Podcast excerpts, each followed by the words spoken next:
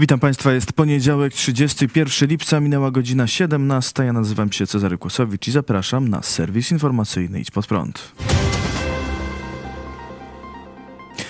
Wagnerowcy przy granicy z Polską. Czy będą nas atakować? Ta sprawa stała się w ostatnich dniach tematem kampanii politycznej przed wyborami. W sobotę premier Mateusz Morawiecki przekazał informacje o najemnikach grupy Wagnera, którzy zbliżyli się do polskiej granicy.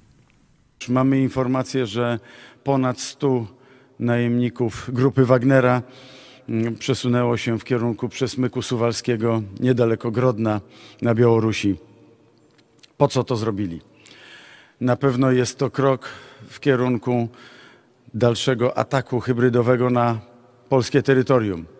Będą pewnie przebrani za białoruską Straż Graniczną i będą pomagali nielegalnym imigrantom przedostać się na terytorium Polski, zdestabilizować Polskę.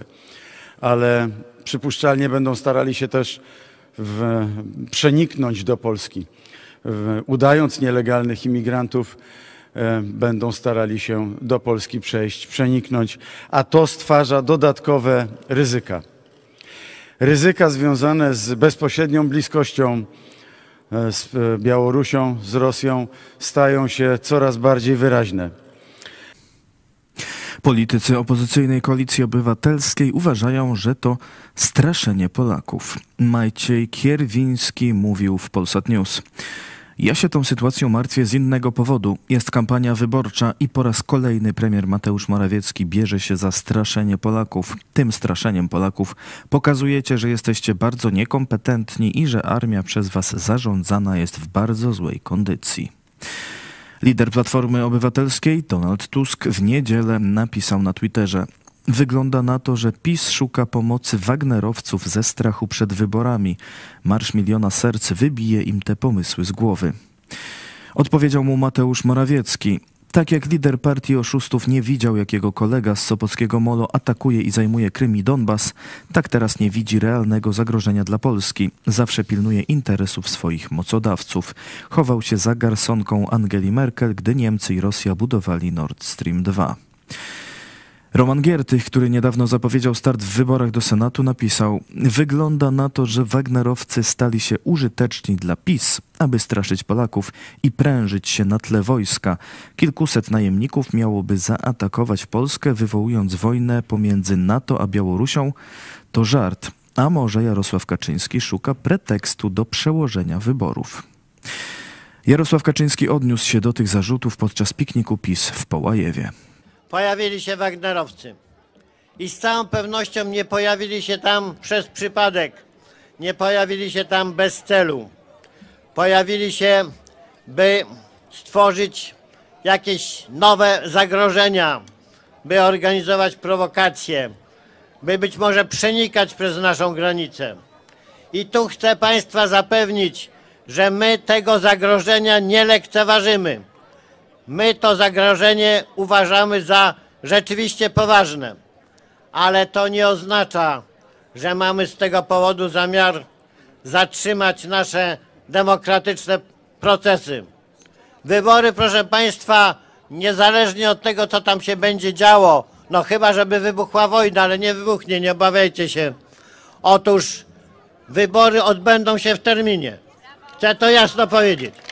Odbędą się w terminie. Dobromir Sośnierz chce nadal być posłem i wraca do Konfederacji. Poseł Dobromir Sośnierz, który jeszcze niedawno szumnie ogłaszał opuszczenie Konfederacji, by tworzyć nową partię wolnościowcy, wrócił do koła parlamentarnego swojej byłej formacji. Dziś przed południem poinformował o tym lider Konfederacji Sławomir Mencen, dodając, na której liście wyborczej zobaczymy Dobromira Sośnierza. Po wielu perypetiach do Konfederacji wraca Dobromir Sośnierz, jeden z najbardziej wolnościowych posłów tej kadencji. Będzie walczył o mandat w Siedlcach, napisał Mencen na Twitterze. Swoje odejście od wolnościowców i powrót do Konfederacji poseł Sośnierz tłumaczył dziś w rozmowie z Interią.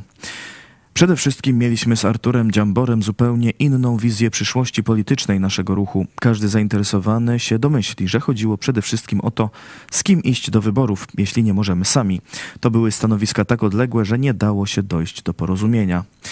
Jeśli chce się być w polityce, to trzeba budować formację, która może coś zmienić w Polsce, bądź być członkiem takowej. Można się oszukiwać, być ideowcem w partiach o marginalnym poparciu i mówić o złym systemie. Konfederacja obecnie staje się trzecią siłą polityczną w kraju i po wyborach może być kluczowym ugrupowaniem.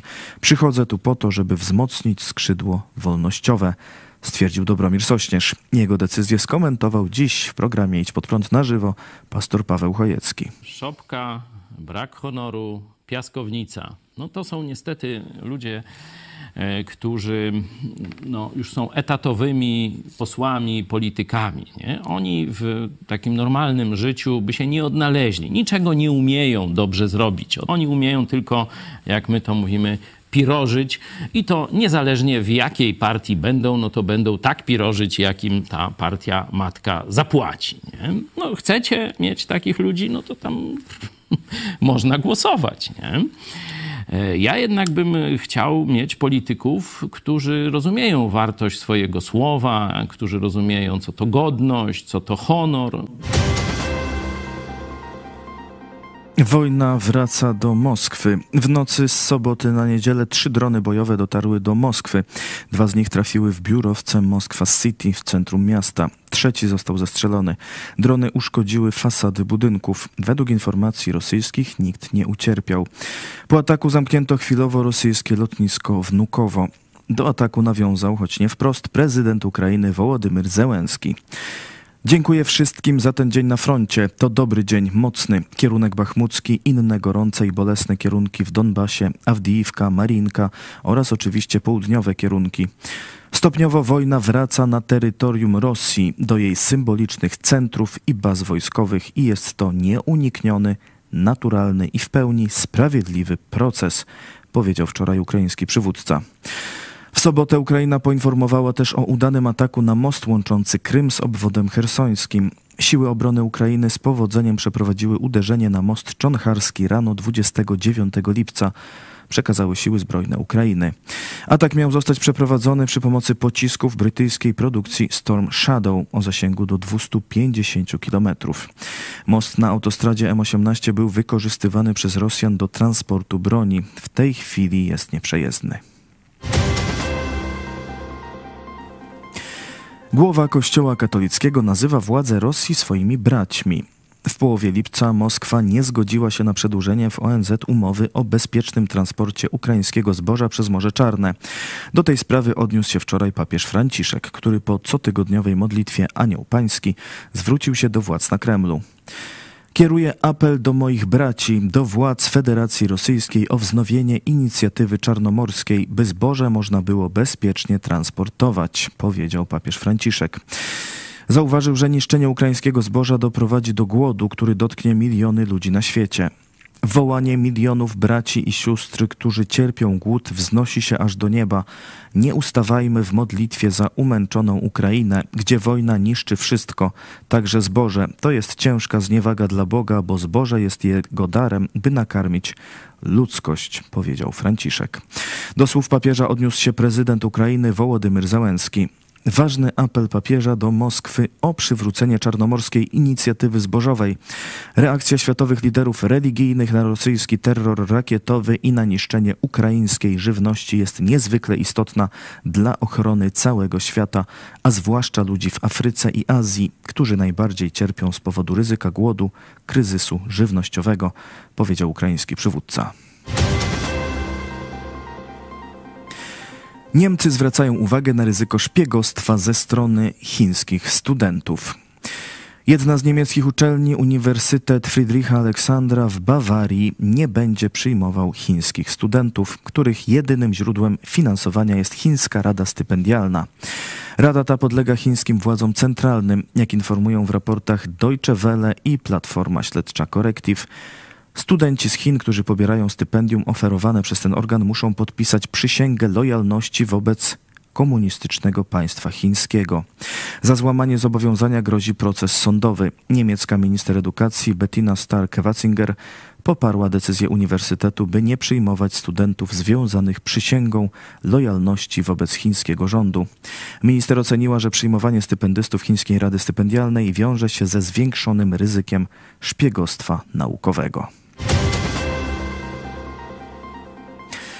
Węgorze, ropuchy, myszy. Jak obalono teorię abiogenezy? O tym opowie Piotr Setkowicz już dziś o 18. Zwolennicy tego poglądu, że, że jednak może życie powstawać samorzutnie, bardzo się zainteresowali bulionem. Ropucha rzeczywiście tak wygląda, jakby, jakby powstała z błota. Zwolennicy samorództwa nie, nie rezygnowali i ich ostatnią nadzieją był węgorz. Ciekawa zbieżność, że w roku 1859 Ludwik Pasteur, skądinąd człowiek głęboko wierzący, przeprowadził to do doświadczenie wykazujące, że jednak organizmy nie tworzą się samorzutnie w bulionie. No i w tym samym roku Karol Darwin ogłosił teorię ewolucji.